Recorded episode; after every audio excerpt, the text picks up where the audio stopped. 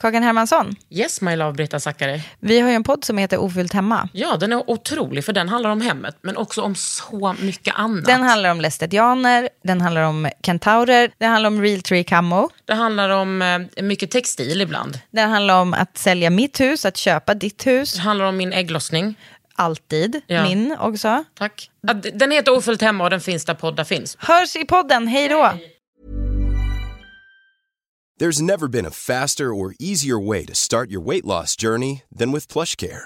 PlushCare accepts most insurance plans and gives you online access to board-certified physicians who can prescribe FDA-approved weight loss medications like Wigovi and Zepbound for those who qualify. Take charge of your health and speak with a board-certified physician about a weight loss plan that's right for you. Get started today at plushcare.com slash weight loss. That's plushcare.com slash weight loss. plushcare.com slash weight loss. Under huden med Kakan Hermansson. Älskade kära under huden lyssnare. Det är jag, Kakan Hermansson. Vet ni vad? Jag har spelat in 93 avsnitt. Det är alltså 93 veckor på raken. Och nu kände jag, vet du vad? Nu tar jag en paus. Nu tar jag en liten paus. Och det är ingen paus som kommer vara ett år. Utan det kanske är två veckor eller två månader eller någonting sånt. Det är också lite för att ni ska få liksom veta vad ni har. You don't know what you got till it's gone. Så vill lite jag att ni ska känna. Nej, men jag, ni är jättegulliga alltid och typ eh, eh, peppar mig och säger så fina saker. Men jag måste ta en paus. Jag måste ta en liten, liten paus bara. Ehm, då kan ni gå tillbaks och lyssna på liksom gamla avsnitt. Första gästen var väl ändå Hanna Hellqvist. Så om jag gör någonting så gör jag det på kvällen. Jag ställer mig ju inte då när jag börjar tidigt och liksom ska upp och jobba och, och gör någonting på Du gör morgonen. ingenting på morgonen Jo, säger jag du? smörjer mig med serum eventuellt och alltid min fuktkräm. Det är ju jättebra. Ja, Men eh, du vet att när du har haft den där skrubben eller exfolieringen på kvällen då blir du väldigt känslig på morgonen. alltså det har jag inte märkt. Nej, alltså, jag har inte märkt. Nej men inte att du ska märka det för att det är liksom att om man exfolierar så blir man ju liksom självklart mycket känsligare. Då måste man ha, eh, om man håller på med sådana här starka grejer så måste man ha 30 SPF dagen eh, efter. Eller det helst Jaså, det har jag inte. Då får det bli att vi går och köper det till dig sen. jag har, du, har- jag, du har varit med och köpt det till mig. Ja du har ju den här Clarence-grejen. Ja. Men jag trodde inte att jag behövde smörja mig med solskyddsfaktor när jag går och sätter mig i en mörk studio på Sveriges Radio. Det visste inte jag, Kakan. Nej men vet du vad, du gör ju ändå någonting efter du har varit jobbat på Sveriges Radio. Ja, och om det är fint väder så brukar jag sätta mig ut och sola. Men Säger du det här nu för att straffa mig? Nej, jag, bara, jag säger att jag, jag tar chansen om den ges.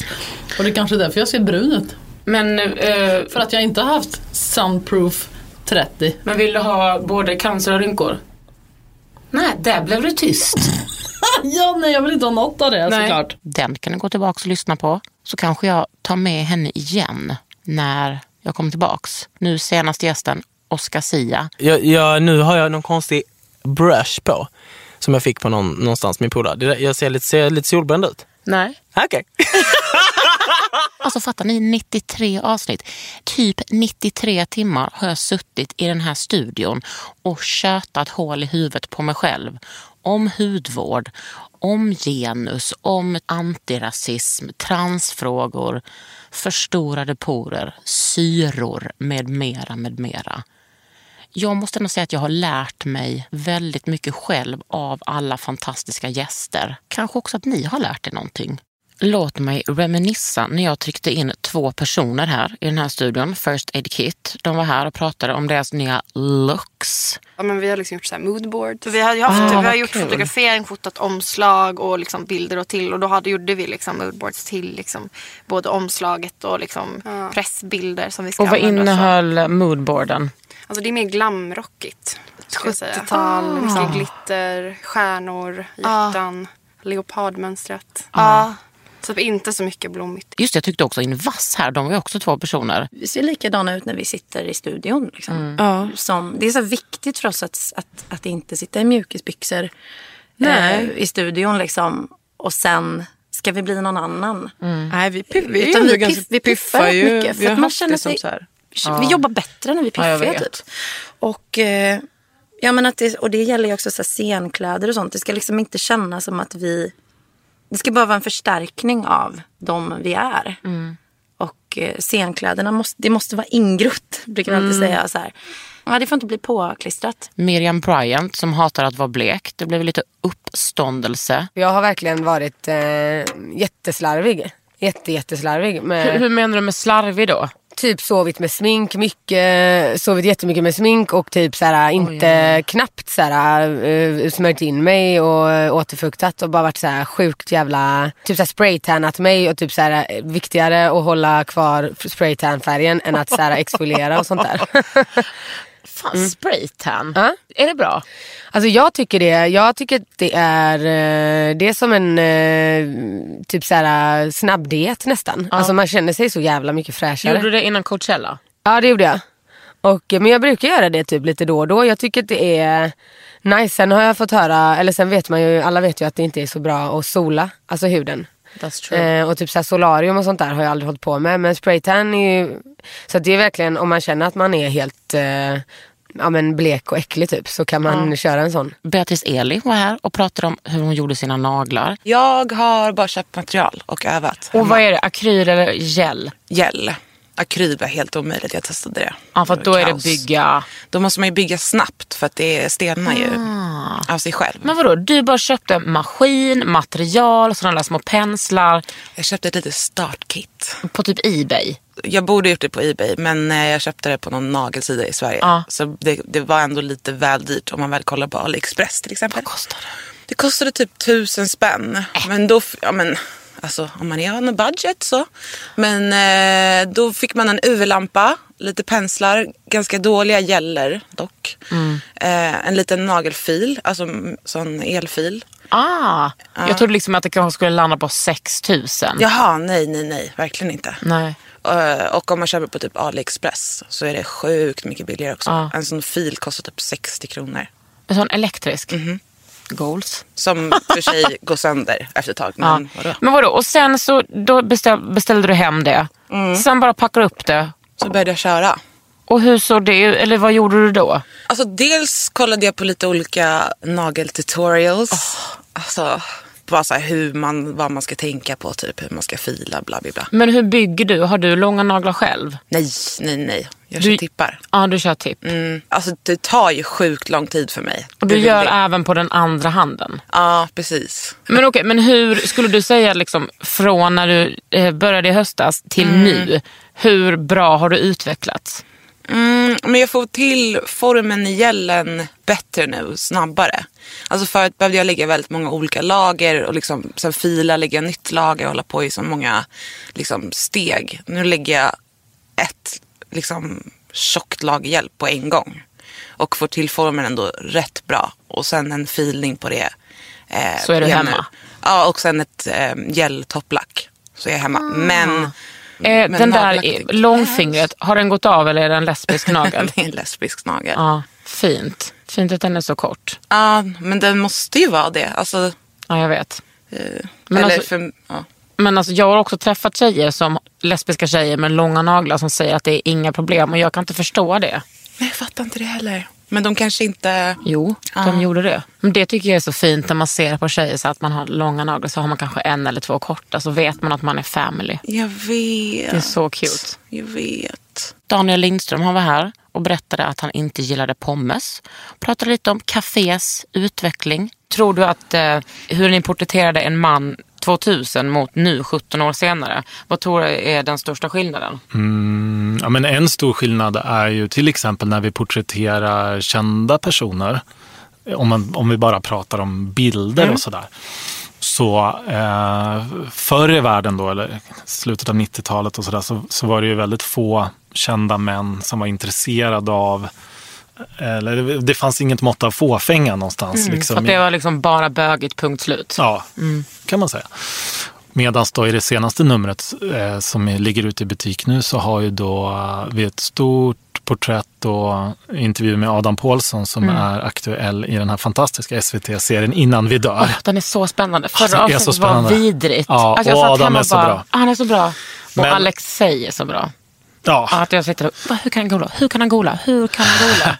Men då, när vi då, det här, vi började liksom träffa Adam redan i, i höstas och planerade. så- Och, och då sa han, en av han, han hade en ganska stark bildidé där, att han ville vara kvinna på en bild. Mhm. Och det tror jag är ett exempel på en sån. Hade någon sagt det till oss 1999, Mm. då hade vi bara sagt så här, nej, är du knäpp i huvudet? Det kommer inte vi att göra. Och gud, kommer ni ihåg när Annika forskaren var här? Hon som har startat Skin City och pratade om retinol och hur man skulle göra att man inte skulle fukt, fuktsätta sitt ansikte. Utan man liksom ska låta retinolen jobba in extremt mycket i huden så att det börjar fjälla. That was news for me. Men du har exfolierat en del va?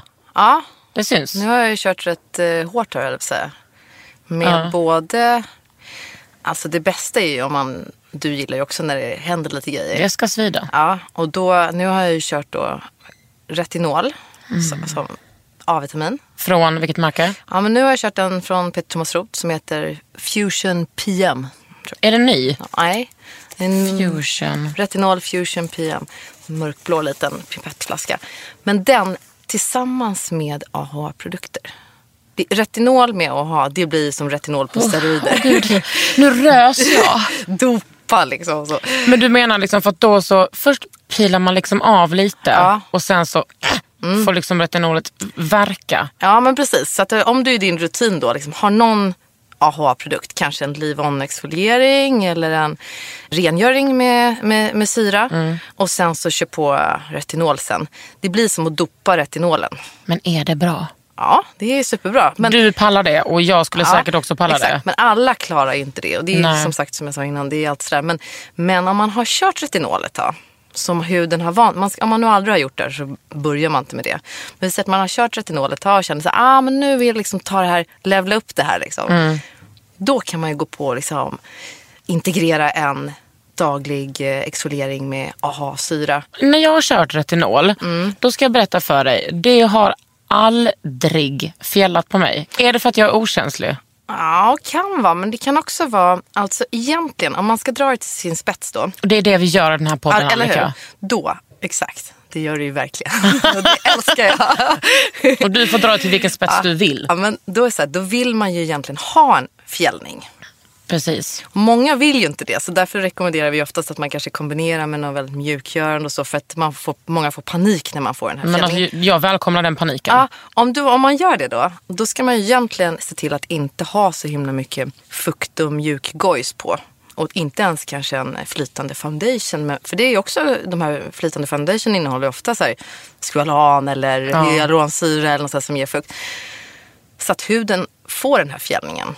Ska visa dig ett kort sen hur jag såg ut för några veckor sedan. Det var som en orm som ömsade skinn. Är detta en bild som kan få läggas upp på bloggen? Eh, ja, kan du få göra. Den lägger vi till. Då skriver jag när, när Annika var orm. Den är hemskt härlig.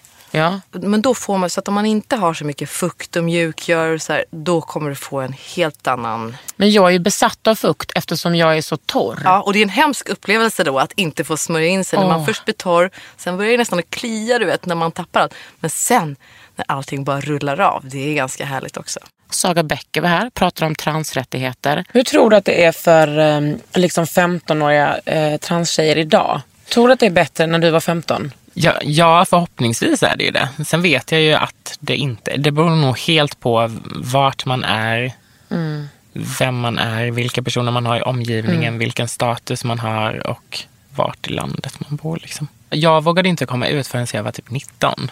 Sen var det väl många som hade förstått det innan. Eh, Hade du förstått det liksom själv? Ja, jag började väl tänka redan på det. Alltså, från tio års ålder liksom.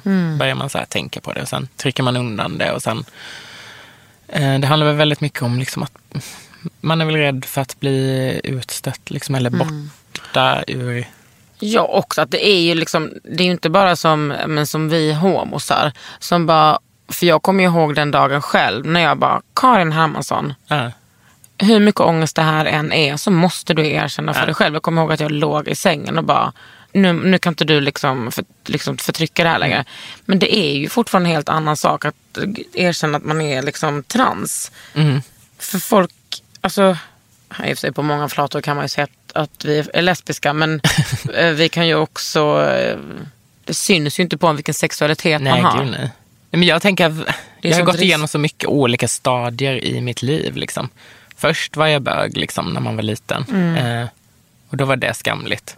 Sen när man kommer ut liksom, som trans, då, då är det en ny gång man ska komma ut. Så man kommer ut liksom, hela tiden i olika sammanhang. Mm. Och det kan vara väldigt tröttsamt. Att man får liksom, de här dagliga, ja, men, dagliga föreläsningar för sin omgivning. Karin Hellman och Emma Unkel har varit här och tjötat från A till Ö och vi har pratat budget, vi har pratat trender, vi har pratat hur det var att vara beauty editor för tio år sedan versus nu. Ska du ha en mer långvarig relation till hyaluronsyran så måste du injicera den. Och det har ju jag testat. Mm, alltså det är en skin booster. Ja, och det det är inte gjort. skulpterande. Nej, inte utan det är alls. liksom, du får fukt inifrån och det håller typ kanske ett halvår, några månader, Ja, ett alltså halvår. väldigt länge. Jag har gjort det en gång. Jag känner mig fortfarande rätt återfuktad. Skulle kunna tänka mig att göra en ny påfyllning nu. Men vet inte om jag ska göra det. Men liksom, det är inte prio ett. Men gud vilken skillnad det blev. För att jag var ju livrädd då. Och det här var första gången jag gjorde någonting med nålar överhuvudtaget. Jag, jag gick dit och jag fattade inte vad hon skulle göra. Och sen ser jag bara en lång smal nål framför näsan. Och så satte hon igång. Som en jäkla solfjäder va. In genom munnen. Nej. alltså mungipan. Ja. Och så bara... Tsch, tsch, tsch. Hur ont gjorde det? Det gjorde inte alls ont. Det gjorde, jag, jag ljuger inte, det gjorde inte det. Men det var en obehaglig känsla att Hon ha är sån inne där och tung nål. gottar.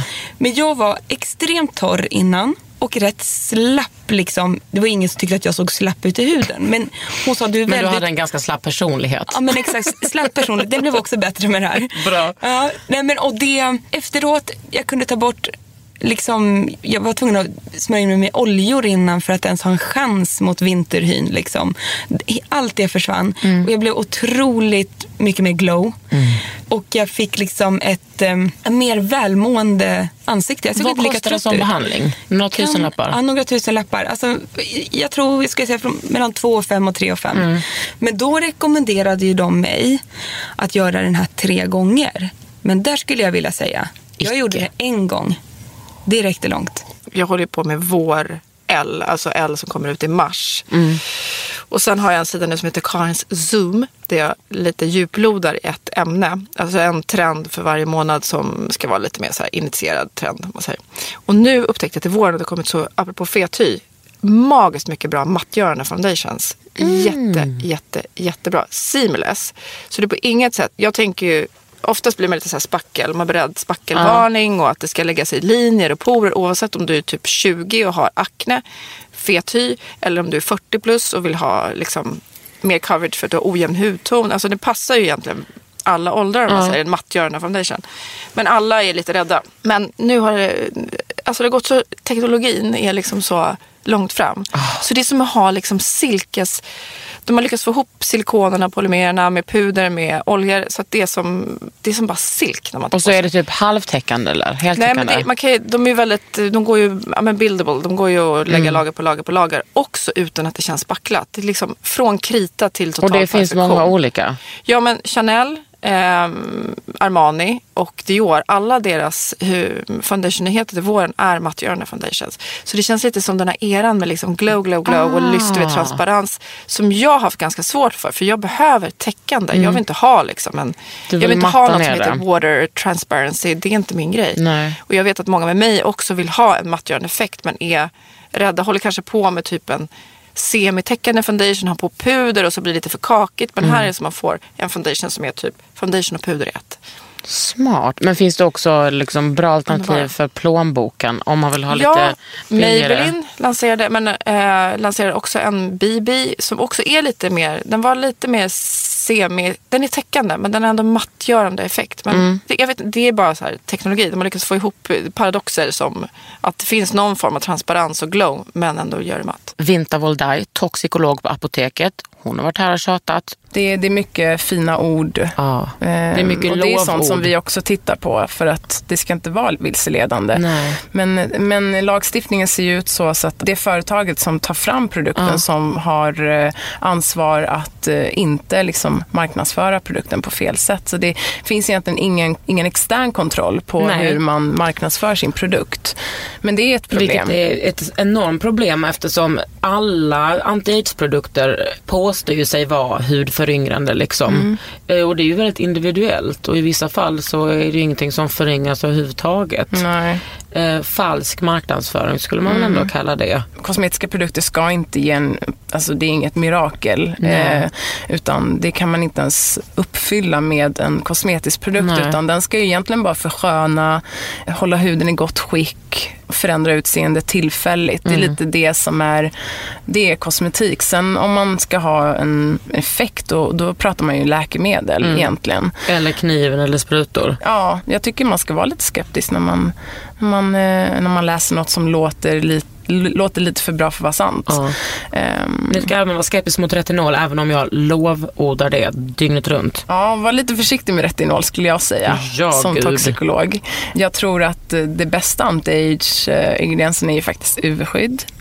Så att Det är så skönt när någon my- annan man säger kan det. inte göra så mycket när man redan har fått rynkor utan man kan förebygga. Absolut. Men jag kör ändå lite retinol. Ja, plus size-modellen Sabina Karlsson har varit här, världens vackraste kvinna. Absolut har pratat om sin international model career. Ja, det var en lång resa där faktiskt. Det Låt var... mig höra den syster. Ja, precis. Då efter toppmodell så åkte jag till Milano den sommaren och då var det liksom min agentur då sa att om du ska åka dit så behöver du gå ner i vikt och du behöver ligga på de här måtten.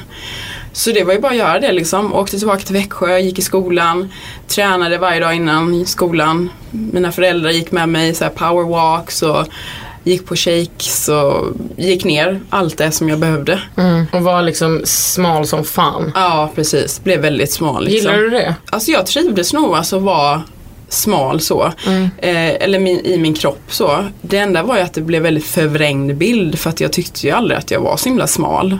Nej. Eh, och sen att jag älskar ju mat så att det var jättejobbigt att plötsligt från att då som sagt äta pizza i, på stranden Och ris med ketchup. Ja precis med ketchup och pommes, det är Ja. kombon. Till att då liksom börja shaka och liksom äta bara vissa frukter och lite dåligt samvete om jag tog för många knäckebröd med ost på. Liksom. Ja. Alltså, det blev faktiskt väldigt så här, psykiskt påfrestande för mig då. Men som tur väl var så hade jag mina föräldrar som var liksom väldigt stöttande. Mm. Och allt var vid min sida. Men eh, så från det gick jag ner, började jobba i Europa, gick ut skolan. Tre veckor efter studenten så åkte jag till New York. Var där några veckor, kom tillbaka, gjorde Fashion Week och bara var inne i det liksom och reste runt till Paris, London och Milano. Tills jag liksom, jag tror jag åkte till Thailand på så semester någon gång och då bara var jag så långt bort från min värld så jag bara åt ju hela Ja, tiden. Åt en god pad thai Ja. på stranden. Flera Ja. och liksom spring rolls i mängder och liksom åt hela tiden. Och då gick jag ju upp i vikt och sen dess så blev det liksom svårare för mig att gå ner det. När kom övergången från att bara, jag är modell till bara, hmm, vänta, jag kan ju vara plus size modell. Ja, så då var jag med min agentur Ford Models i New York som jag hade varit med x antal år och jag bara var så här, jag kom dit efter jag hade varit på bootcamp i Kambodja med min eh, PT Maria Ahlberg och eh, jag hade gått ner mina kilo och liksom tyckte bara shit nu är jag liksom bra form. Kom dit och de sa tyvärr du är liksom för stor, vi kan inte representera Får jag dig fråga längre. vad du vägde då? Alltså jag vägde väl typ 62 kilo tror jag. Mm, och du 63, är ett- 65 max liksom. Jag är 1,80. Mm. Så att eh, då var jag för stor. Så, så då, jag bara kände så här, I had it. Alltså det var så här, nog, jag orkar inte mer. Låt mig bara få jobba som modell liksom. Vilken division eller avdelning, jag bryr mig inte. Så då introducerade de mig till deras eh, då eh, plus size avdelning. Var det nederlag för dig att, att liksom byta? Ja, alltså till början så kanske jag, jag hade inte så himla koll på liksom hela plus size industrin. Så för mig var det liksom någonting som jag inte visste om så mycket. Kan man lyckas? Kan man bli stor? Kan man tjäna pengar? Framgångsrik? Jag visste liksom ingenting. Utan det jag tänkte var att ju smalare desto bättre och det är då du blir framgångsrik. Fast jag var ändå glad för det var den första gången när jag kom då och träffade min, en av mina bokare, Gary, som jag har idag också som bokare. Han bara, you have the perfect measurements, liksom du är per- perfekt. Och då var det liksom bara Take me to church. Take me Take to me church. to size. En annan international model career var ju Frida Gustafsson som var här. Det är jobbigt när man får så här, mordhot och folk som så här, ritar teckningar på när man sågat av huvudet på en och typ så att man ska så här, halshuggas. Typ. Vänta, vänta. Har folk gjort det mot dig? Ja. Varför det? För att eh, fans som jag har i delar, vissa delar av världen tycker det är extremt problematiskt att jag är uttalad feminist. Och eh, skickar på liksom, Instagram och så. Jag tog bort min Twitter på grund av det. Att jag hade så himla mycket folk som skickade så här galna mordhot. Och, Wow! Ehm, och hela den här geotag-grejen kom ju fram till att eh, det var en galning som stod utanför mitt hotellrum i Paris och ringde upp och sa att han var min driver. Men det visade sig vara någon som liksom hade typ mordhotat mig på internet. Så då tog jag bort hela min Twitter och försökte liksom av, avtagga alla Instagram-bilder och så, Mm. så att man inte ser vart jag är någonstans. Får ni hjälp från era agenturer med sånt? Ja, men jag har, fått det. Jag hade en stalker en gång i tiden också. Så och då fick jag hjälp med liksom rätts, rättshjälp med advokater och så. går liksom inte att, eh, att ha ett problemfritt liv om man är en kvinna. Nej, det går liksom inte. Oh, Sara Benafshi, hon var ju här typ åttonde gången och pratade om hennes liksom beautyintresse och också om hur man uppfostras till ett självhat när man inte typ är vit ariskt motstånd. Ja, så det var alltid sådär typ, din näsa är så stor, dina läppar är så stora och jag har en fantastisk röv. Min rumpa är jättestor, så. Och den har alltid varit stor, även när jag var liten. Så jag, svank, jag är också svank och när jag var liten, jag bara, ah, det går som en anka, det går så jävla konstigt. Och, nej. Alltså massa sådana grejer. Alltså de, de kallade mig för ful, jag ska kallas för Mowgli. Alltså det var jättejobbigt. Men ehm, jag tänkte ju nästan aldrig på att det handlar om nästan hur jag ser ut. Jag var så men jag är ju snäll, varför säger folk att jag är Ja. ful typ?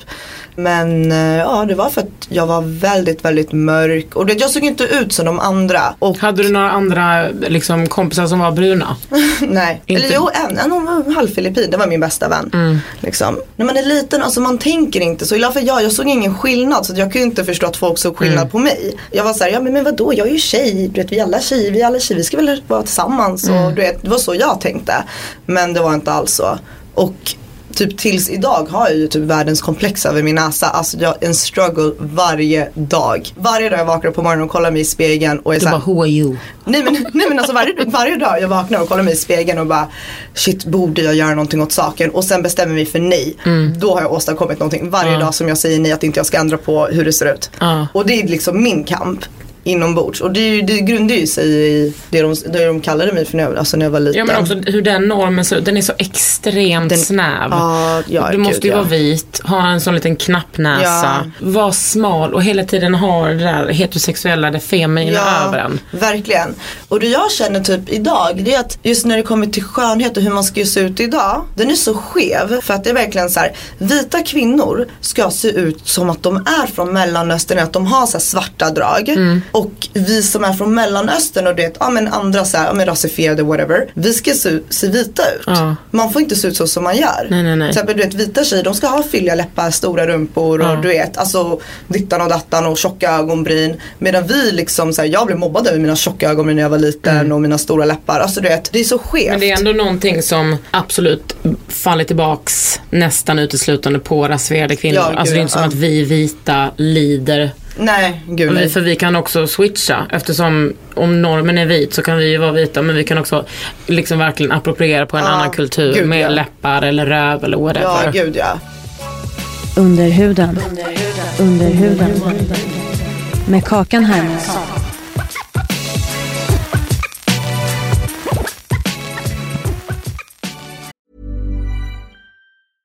Ready to pop the question? The jewelers at BlueNile.com have got sparkle down to a science with beautiful lab grown diamonds worthy of your most brilliant moments. Their lab grown diamonds are independently graded and guaranteed identical to natural diamonds, and they're ready to ship to your door. Go to BlueNile.com and use promo code LISTEN to get $50 off your purchase of $500 or more. That's code LISTEN at BlueNile.com for $50 off. BlueNile.com code LISTEN. Since 2013, Bombas has donated over 100 million socks, underwear, and t shirts to those facing homelessness. If we counted those on air, this ad would last over 1,157 days. But if we counted the time it takes to make a donation possible, it would take just a few clicks. Because every time you make a purchase, Bombas donates an item to someone who needs it. Go to bombas.com slash ACAST and use code ACAST for 20% off your first purchase. That's bombas.com slash ACAST, code ACAST. Margret Atladotter, min broder, var här och pratade om sin alopecia. Jag har haft alopecia som det heter sen jag var faktiskt lit, superliten. Alltså sen jag var typ två, tre år. Visste du det då? Mina föräldrar visste det då för. Min sjukdom den, den liksom existerar i tre steg. Det första steget eh, heter alopecia areata och det är jättevanligt. Alltså det, finns säkert jättemånga som har det utan att veta om det för det betyder fläckvist håravfall. Och det kan, det kan äga rum eller det kan liksom eh, eh, hända var som helst på kroppen där, där hår växer. Så att kanske att, att någon har ja, men, haft en, en kal fläck på benet typ eh, som sen växer ut i ett år. För att det är det som är, är grejen med areata är att man får en kal fläck kanske liksom eh, fem krona i storlek och sen växer den ut när den har varit kal. Och då liksom. behöver man kanske inte stödgrupp. Nej, alltså eh, vissa, det är också traumatiskt faktiskt. Alltså fläckvis håravfall är verkligen. Jag menar, men om man får en fem kronor på benet. det är ju inte så, riktigt så. Men alltså, Förlåt alla out there.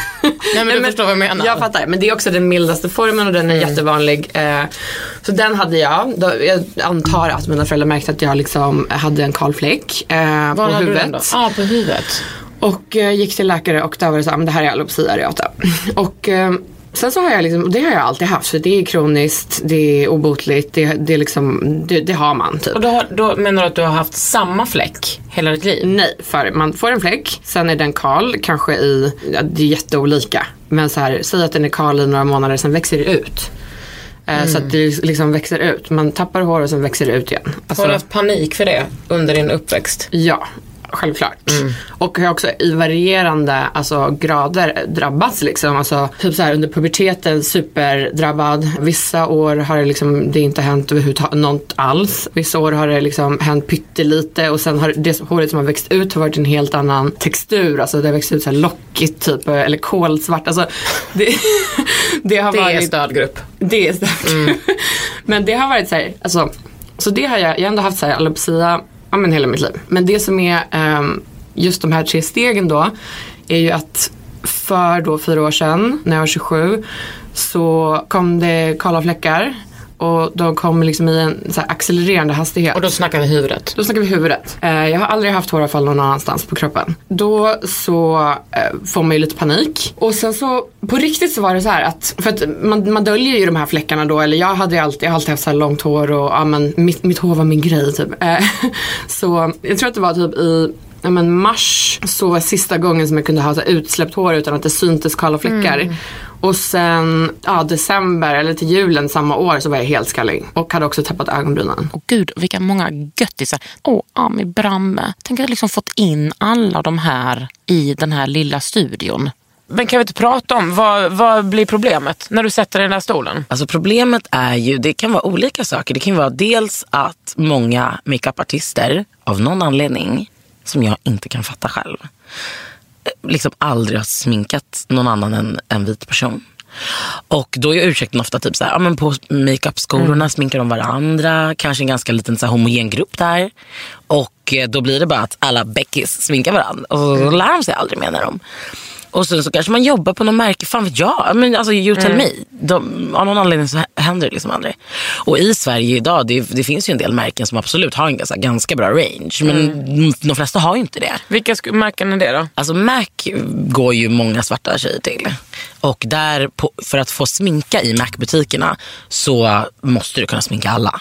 För de har ju sin egna interna utbildning. Vilket är liksom en fantastisk grund som typ alla borde ha. Nej men alltså det är ett skämt. Och att du vet så här, det är klart att alla ska ha det. 2016. Alla borde vilja det också. Vadå om jag jobbar med något då ska väl inte jag vara så begränsad.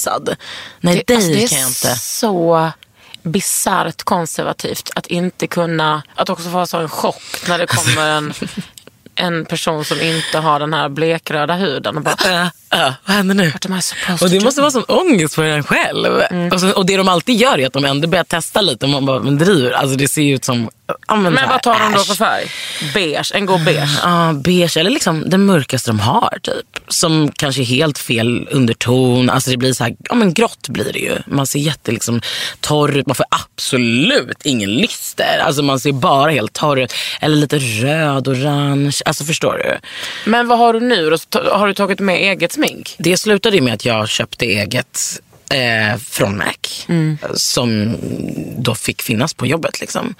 Och eh, det handlade om att dels det här med att ja, vissa tjejer kanske aldrig hade sminkat en svart person tidigare. De hade inte ens sett en svart person. Jag vet inte och nu ska inte jag hänga ut för jag menar tjejerna i sminket vi har jätte liksom, god relation idag. Ja, Eh, men det det, var, jag. det var alltså typ nästan ett år av att det inte var så. Det var inte en kvart utan det var Mm. ett så lång tid.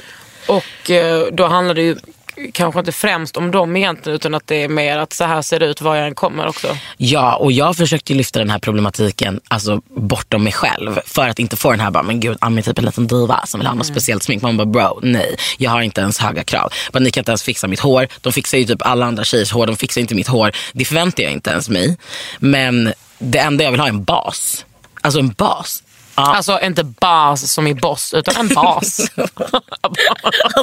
Gustav Broström var här och pratade väldigt ytligt och väldigt djupt. Och det tycker jag faktiskt, om jag får säga det själv, att jag är väldigt bra på att göra. Sista steget är att på kvällen ha en, ett sleeping pack som är en nattmask. Ja, älsk- jag har ju bytt ut nattmask, eller nattkräm mot nattmask sedan länge. Ja, ja. Sen hittade jag för en bra nattkräm från uh, Nils Yard som gör jobbet som en nattmask. Mm. Typ 329 spänn. Otrolig.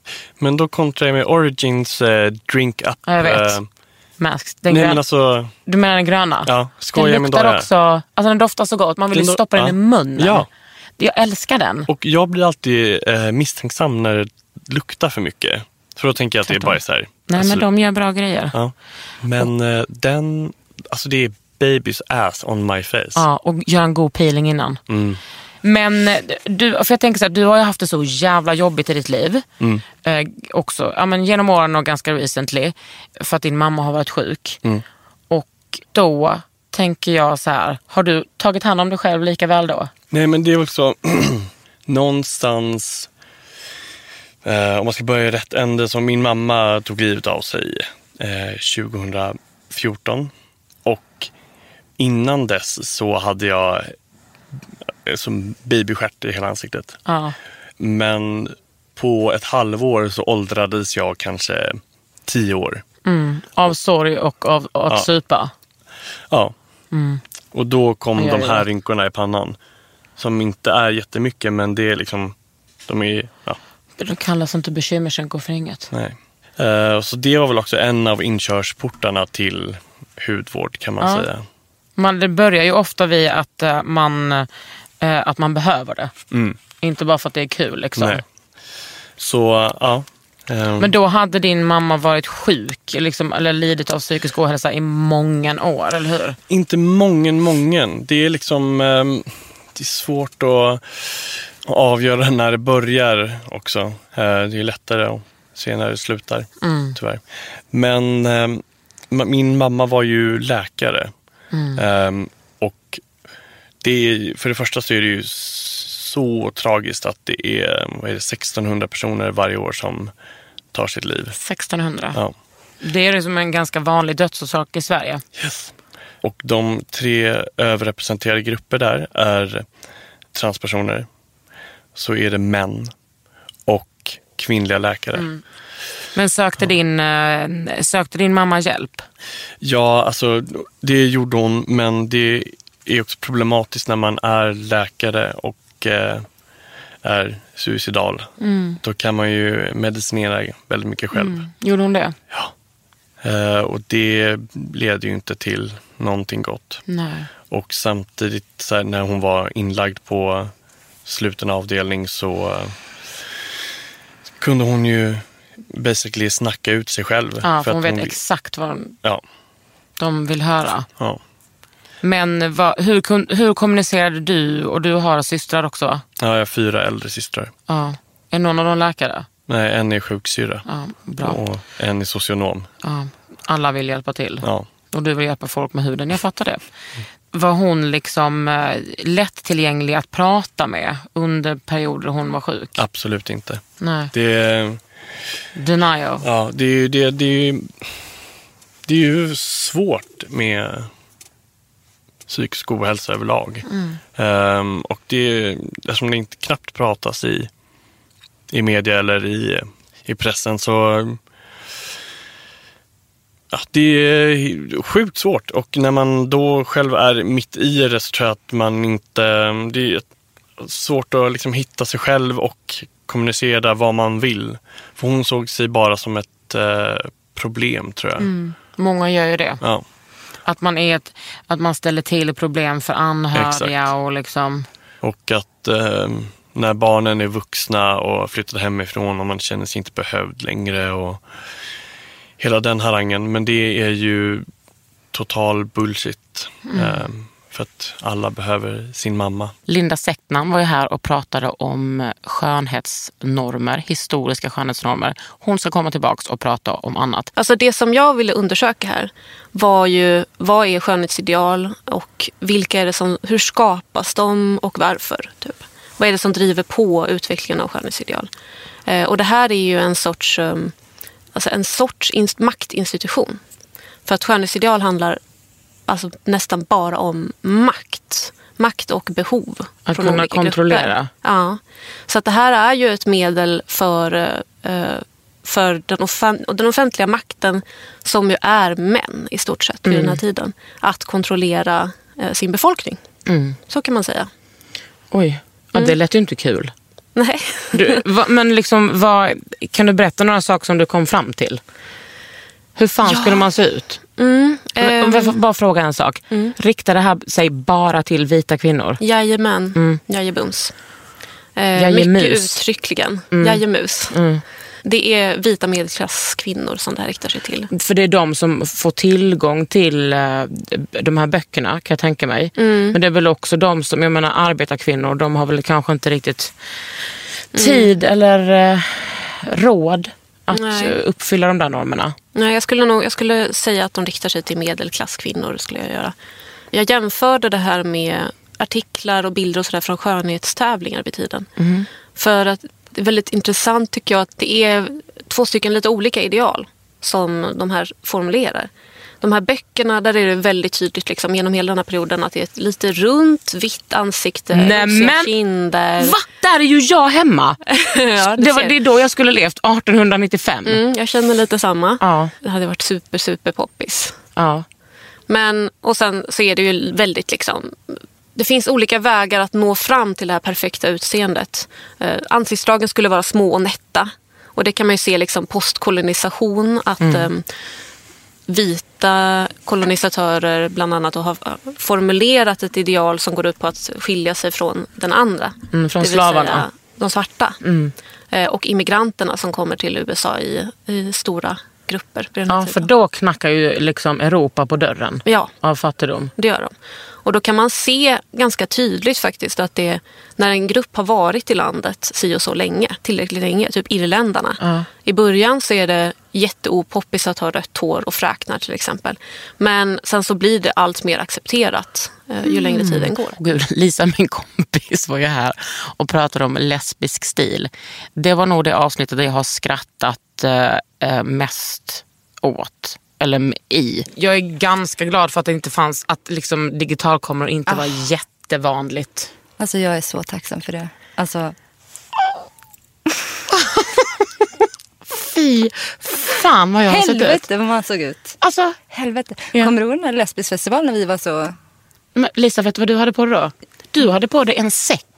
Nej. Nej men det var ju, nej det var kanske inte säck, men det var ju typ, alltså det var ju typ en, en sån, Ja, det var en maläten underklänning. ja, jag, ja, jag, när jag, tänk, jag, vet tänkte att det, att den var, jag tyckte den var så sexig.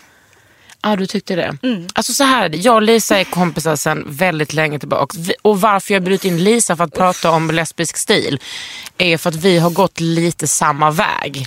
Absolut. Från krustpunkare, googla krust om ni inte vet vad det är, till Vi var väl ändå lite liksom krustlight. Jag var ju det. Ja, men alltså, vi, höll, vi höll ju aldrig på med nitar. Hur kan du säga att du var krust light? Ja, för det är min självbild. Men, Ja, men släpp den självbilden. Nej, nej, nej. kan nej, nej. så att det är fel. Nej, nej, nej, nej. Alltså, det fanns eh, ingenting Behöver- light med dig Lisa. Jag tyckte att du var värst av alla. Nej. Jo. Förlåt. Jo, absolut. Så här är kruststilen. Eller hur skulle du förklara kruststilen på tjejer? Kanske inte tvättar så ofta. Tvätta, Man tvättar inte kläderna ofta. Nej. Eh, Tvättar inte kroppen ofta. jo, absolut. Inte jag. Detta är någonting som jag, jag bara berättar det rakt ut. Ja. Nej, min hygien var kanske inte otro... Alltså när jag hade flickvän var den bättre, absolut. Då var jag noga, men annars så... Men jag var alltid ganska noga med hygienen. Jag kanske inte duschade så ofta. Okej. Men jag kanske hade... Nej, men Lisa, kommer du ihåg när du bodde i skogen? Vilken skog? Ja, men båda skogarna. Alltså dina föräldrar... Hade badkar på båda ställen. Ja, men du luktade ju inte hallon.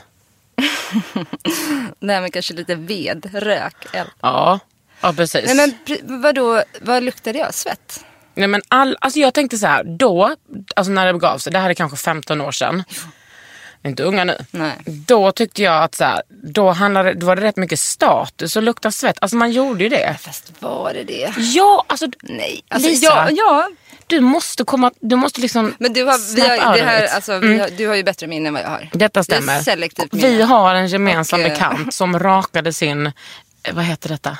Eh, raggarsträng. raggarsträng för att den skulle bli tjockare. Det skulle ju vara hårigt Ja, men och det, var ju, det, svettigt. ja, men, det där hör ju ihop med att man inte vill ha uppmärksamhet från män. Alltså, Precis. Kanske också när Ajan var här för att det var otroligt kul. Okej. Välkommen tillbaka till min kanal. Det är Naja Lemage. Alla jag känner som vänner eller inte alls. Det är Naja Lemage. Du kan vara hin, hon, han eller hen. Oavsett vem, oavsett vad. Du är välkommen bre. Åh, Gud. Åh, jag fick gåshud av njut. Men jag tänkte mer också på det där med att du bara, ja det kanske behövs en svart person som youtuber och att alla är vita. Ja, alltså jag, innan jag startade min kanal så var jag så här, alltså jag är på YouTube annars, amerikanska liksom, kollar allt möjligt. Alltså jag lär mig, jag är så här, det är min skola, jag bara, ah, vad, vad behöver jag kunna? Men så kollade jag på svenska, jag bara, alltså är det här ett skämt eller? Är det typ Amir Akroti som är typ den enda rasifierade personen? It's fucking sad. Ja. Jag, bara, jag var så här, nej men jag startade ett konto nu, la upp den där videon och var så här, okej, ja men nu är den ute. Och där jag typ så här, okej ni behöver mig, support om du tycker det också. Share, like, subscribe. Men vad har du fått för reaktioner då? Folk tycker att det är skitfett. Eh, men det är bara det att många som jag hänger med, eller de som jag, min generation är inte på YouTube. Nej. Så det är så här, att flirta med den yngre. Men är inte det bra? Är det inte de som behöver lära sig då? Jo, 100 procent. Verkligen. Verkligen. Alltså, lära sig. Men det, det, men det är också det som jag tänker så här. Jaha, ska du, bara för att du är så svart, ska du lära folk då? Eller ska du så bli representant för någonting? Nej men jag tänker, alltså inte typ, men jag tänker att det måste finnas representation, att jag bara är Mm. där. Att jag bara finns. Okej, och så kanske det är någon annan som har typ ett asfet idé, asbra content som bara, ja men där finns det, alltså du vet, det är rimligt. Ja. För inget är rimligt förrän, en pers- alltså, så här, förrän det finns representation. Och då kommer någon annan komma med någon as mycket fetare grej eller whatever. Och det är så här, kör hårt, kudos. Ja. Legenden Christer fucking Lindau har varit här. Har du panik? Nej, inte panik, men jag kan inte påstå att jag tycker det är så jävla kul att bli gammal. Många säger åh, jag har aldrig mått bättre än nu och det här är min bästa tid. Och när jag fyllde 50 först då trivs det så med mig själv. Och, men gud vad de ljuger alla människor. Ja. Låtsas som att det var min bästa tid är nu, typ. Hur gammal är du nu? 64. Looking good.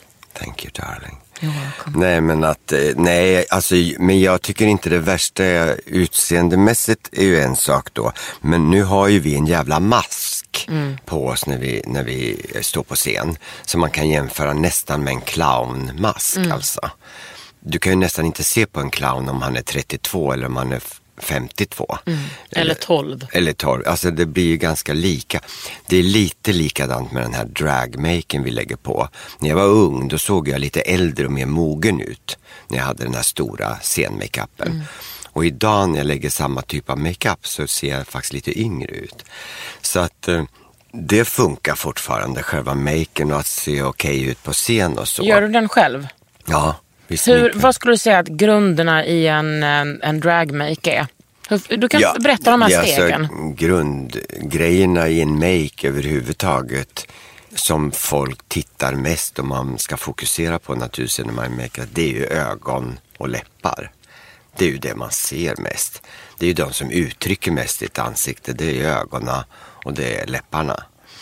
Så det är ju de två viktigaste grejerna. Och det är ju väldigt mycket att man förstorar ju ögonen så mycket som möjligt. Man, höjer, man täcker ju över sina egna ögonbryn med, vad, med vax. Vax? Mhm. Det finns, det finns den här ögonbrynsvax som man trycker på så att de blir helt platta.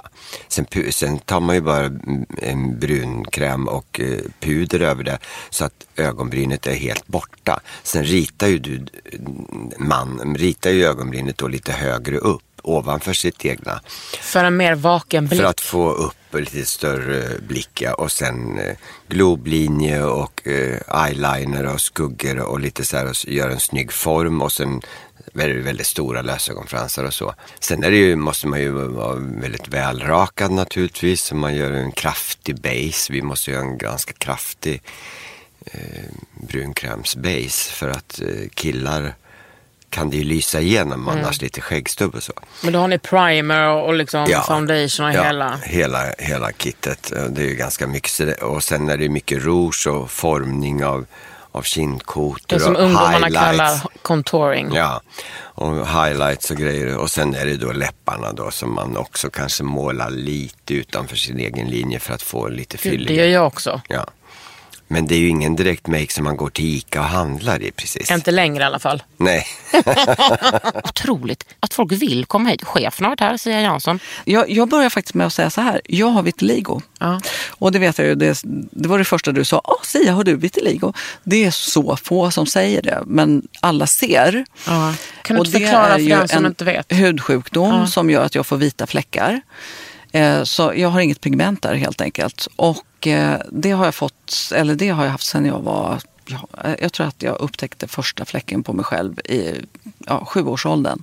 Det har ju givetvis tidigt och under tonåren inneburit jättekomplex. Superjobbigt, verkligen. Men jag brukar också tänka så här, undrar om jag inte hade haft det, vad hade det gjort med mig? Alltså Mm. på något sätt så, man stärks ju liksom i ett komplex också som, in, det går inte att göra någonting åt faktiskt. Nej, men var har du nu? För att nu syns det ju inte nu när det är Nej, men jag har vinter. på, jag, det, ofta så sätter det sig symmetriskt så att jag har det på mina händer. Alltså, och nu, det ökar med åldern. Men från början var det bara några fläckar på, vid fingrarna och sen så ärmhålorna, ljumskarna och runt ögonen. Så att jag har runt ögonen och det är också därför jag inte har solat. Och där har vi. Där är det lite, jag skulle vilja säga så här, det, kan, det, det är klart att det betyder mycket. Mm, nu låter det, gör här som att vi har övat in det här svaret, men det har vi faktiskt inte gjort. Nej, men du är jag noga har ju- med SPFen. Ja, Mm. jag är väldigt noga med SPFen. Icona Pop, de har också klämt in här. Alltså era hudar är ju helt fantastiska. Hur kan ni ha så bra hudar när ni liksom turnerar och reser och håller på så mycket? Är det gener eller? Alltså, man, vi har väl båda haft ganska tacksamma Gener, ja, definitivt. Men sen så har vi ju också så här fightats med eksem och olika saker. Jag älskar eksem, berätta. När man blir stressad så har ju det tagit ut sig. Eller om man har använt jättekonstiga grejer. Oftast när folk, när man gör mycket plåtningar och sånt så är ju kanske inte alla jättesnälla mot huden. Nej. Och där och sen flyga på det, då kan det bli kaos. Ja, och så finns det ju alltid de här basic sakerna. Typ så här, drick mycket vatten, träna, ät bra. Men jag tror oftast också att ja, gener är ju nummer ett. Men sen kan man ju hjälpa till huden att må bra. Nu på slutet har ju Sara Klang varit här med sin jade. som hon jadar på. Så då så här, tog jag av mig allt smink och sen så körde jag, jag gör ju ansiktsmassage nästan varje dag. Det här ska vi tala om. Mm.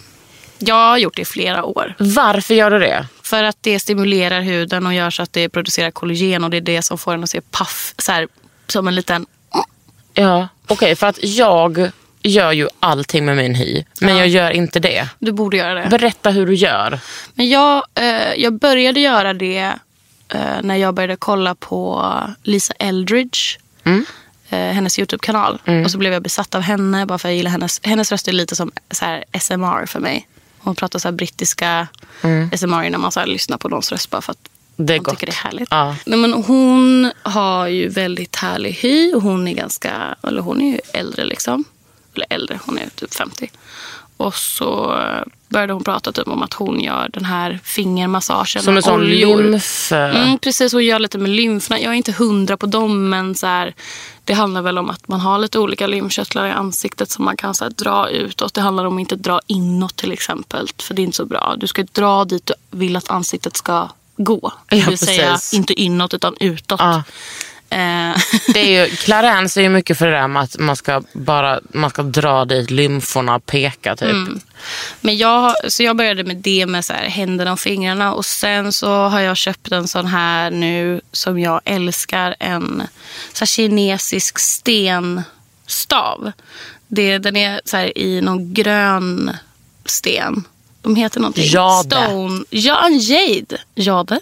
Svar ja, det är kinesisk ädelsten. Ja, ja, ja. Det är Jade Stone tror jag. Så har den, det finns lite olika varianter. Det finns en som har sen piggar som verkligen stimulerar Åh, alltså, vänta, jag har aldrig hört talas om detta. Har du inte det? Vad heter det? Men he, sök på Chinese Stone Massager.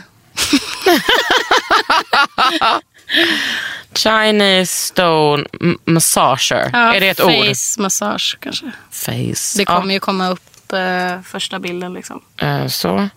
Okej, ber- fortsätt berätta. Eh, nej men så jag har köpt en sån och eh, den är... Nej. Gud, det var fel. Eh, den är det. Ja, men jag har en sån här då. Då är det en stav och så är det eh, två små liksom, rullar i, Ja. eh, i eh, varje ända. Jag har en stor rulle i den ena och en stor, ja precis exakt Mm. den har jag. Och så är det en liten mindre stenbit i den nedre änden. Och den drar man typ under ögonen och på ögonbrynen. Och så, så bara gojar jag in den här mellan brynen liksom, Ja. så att jag inte ska få en En bekymmersrynka. en rum- rumpskåra där. Och så med den stora så drar jag bara hela tiden typ så under mina kinder, här, Under här. hakan. Och det är så, jag kan, jag har alltid haft problem med typ på kvällar hemma att så här, inte pyssla med någonting. Mm. Eh, jag kan typ inte bara sitta och titta på en film eller någonting. Jag måste greja med min, mina händer. Så den här är ju så här skitbra. Åh, 93 god. Jag känner mig faktiskt eh, stolt. Nu är det dags för mig att ta en paus. Alltså, jag känner ju redan nu att den pausen kanske inte kommer bli jättelång. Jag kommer ju absolut vara tillbaks när de första blommorna knoppas. Då kan jag lova er att då går ni där en fredag och lyssnar på podden. Ni har lyssnat på Kakan Hermansson i Underhuden. Jag känner att jag älskar er. Jag känner att jag älskar er, mina lyssnare, för att ni är så jävla gulliga och trogna. Så länge kan ni gå ner på min Instagram eller på bloggen och så kan ni kommentera vad ni tyckte var roligast och bäst och vad ni vill ha mer av. Om ni vill ha någon gäst en, liksom, som kommer tillbaks eller om ni vill ha någon ny gäst. För att den här podden, Under huden med mig, den har inte sett det sista ljuset. Så heter det kanske inte, men ni förstår vad jag menar. Puss på er. Hej! Under huden med Kakan Hermansson. En podd från L.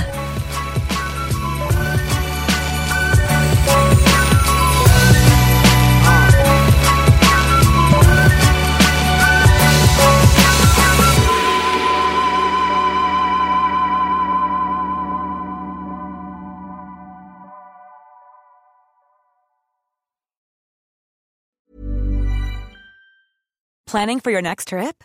Elevate your travel style with Quince. Quince has all the jet setting essentials you'll want for your next getaway, like European linen, premium luggage options, buttery soft Italian leather bags, and so much more. And is all priced at 50 to 80% less than similar brands.